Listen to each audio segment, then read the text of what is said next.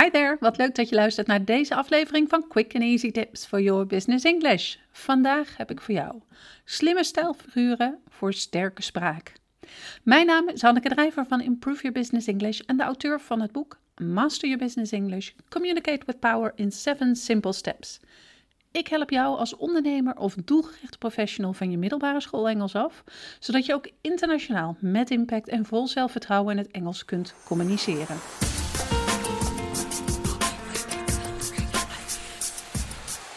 Een stijlfiguur is doelbewust gebruiken van bepaalde woorden, waardoor je tekst of spraak een stuk levendiger wordt.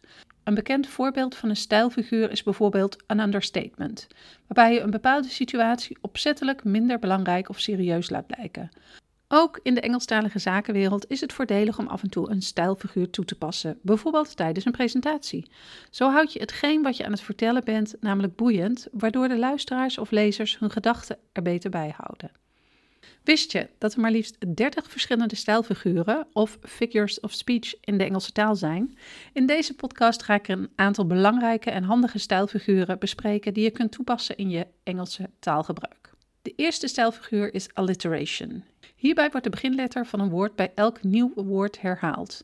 Een voorbeeld hiervan is bijvoorbeeld potential power play. Of de bekende Engelse tongbreker Peter Piper picked a pack of pickled peppers. De tweede stijlfiguur is allusion. Hierbij maak je een indirecte referentie naar een ander voorbeeld. Een voorbeeld hiervan kan de volgende zin zijn: Good morning, Sleeping Beauty. You slept for 12 hours tonight. De referentie naar Sleeping Beauty door een roosje in het Nederlands is dus de allusion, omdat je daarmee aangeeft dat iemand lang heeft geslapen.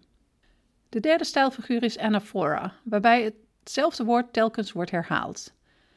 Het bekendste voorbeeld hiervan is de uitspraak van Julius Caesar: I came, I saw, I conquered. Het woordje I wordt hier telkens herhaald. Dit zelffiguur kan gebruikt worden om nadruk te leggen op een bepaald woord. Wil je bijvoorbeeld aangeven dat je een bepaald idee van een collega heel goed vindt? Je zou dat op de volgende manier kunnen zeggen: Good, this is good. Your idea is very good. Hier haal je telkens het woord good, waardoor je goed benadrukt dat iets echt goed is.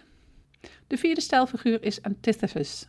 Dit stijlfiguur houdt in dat je een tegenovergestelde van iets anders in dezelfde zin toevoegt, waardoor je dus een bepaald contrast creëert. Een goed voorbeeld is bijvoorbeeld de volgende Engelse zin: Many applied for the job, but few were chosen.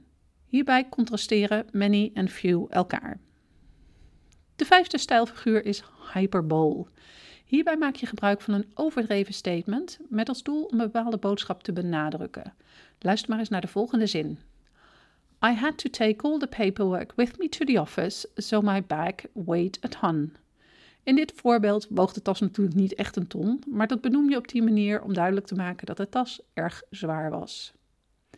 De zesde stijlfiguur kent iedereen waarschijnlijk wel en is namelijk irony. Hierbij geef je je mening door een taal te gebruiken die eigenlijk het tegenovergestelde aangeeft. Dit geeft een humoristisch effect. Irony lijkt erg op sarcasme, maar er zit toch een verschil tussen.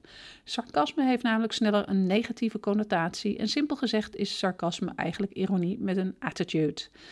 Stel je bijvoorbeeld eens voor dat je de beslissing maakt om ochtends naar je kantoor te wandelen, maar het regent pijpenstelen en je hebt geen paraplu meegenomen. Een sarcastische opmerking die je zou kunnen maken is dan: Well, great choice that I did not bring an umbrella. Een ironische opmerking zou zijn: What lovely weather it is today. De zevende stijlfiguur heet metonymy. Dit is een stijlfiguur waarbij één woord representatief is voor een gerelateerd gegeven. Zo staat The Crown bijvoorbeeld voor het Britse Koningshuis en wordt met The White House vaak de Amerikaanse overheid bedoeld. Heb je hulp nodig van een collega? Wanneer je je collega vraagt: Could you give me a hand? Is the hand een metonymy voor hulp. De achtste stijlfiguur is paradox. Een paradox is een schijnbare tegenstelling. Dit is dus een bepaalde uitdrukking die zichzelf tegenspreekt. Voorbeelden hiervan zijn bijvoorbeeld Save money by spending it. This is the beginning of the end. En de bekendste uitspraak van de Griekse filosoof Socrates: I know that I know nothing. De negende stijlfiguur is personification. Hierbij wordt een levenloos object omschreven alsof het menselijke karaktereigenschappen heeft. Een goed voorbeeld hiervan is de titel van een gedicht van de Britse schrijver William Wordsworth, die luidt: I wandered lonely as a cloud. Hierbij wordt een wolk als eenzaam omschreven, wat een personificatie is. Een ander voorbeeld is de volgende zin: Her office seemed depressed. It was messy and chaotic. Hier wordt het kantoor als depressief beschouwd, wat natuurlijk ook niet kan. Wederom een personificatie. De tiende stijlfiguur is tautology, waarbij hetzelfde ding op twee verschillende manieren omschreven wordt. Hierbij komt ook vaak kijken dat de bewering onvoorwaardelijk waar is door de manier waarop het geformuleerd wordt. Een voorbeeld hiervan is forward planning of free gift.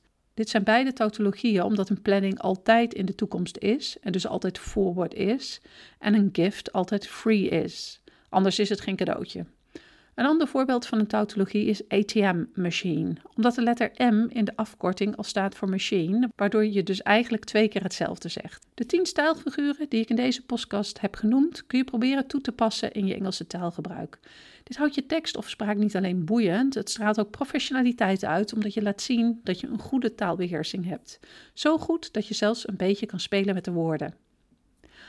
Als je deze aflevering hebt geluisterd, zou ik het enorm op prijs stellen als je een review voor ons zou willen schrijven op SoundCloud of iTunes. Dit helpt anderen weer om onze podcast te kunnen vinden en daarmee hun Engels te verbeteren.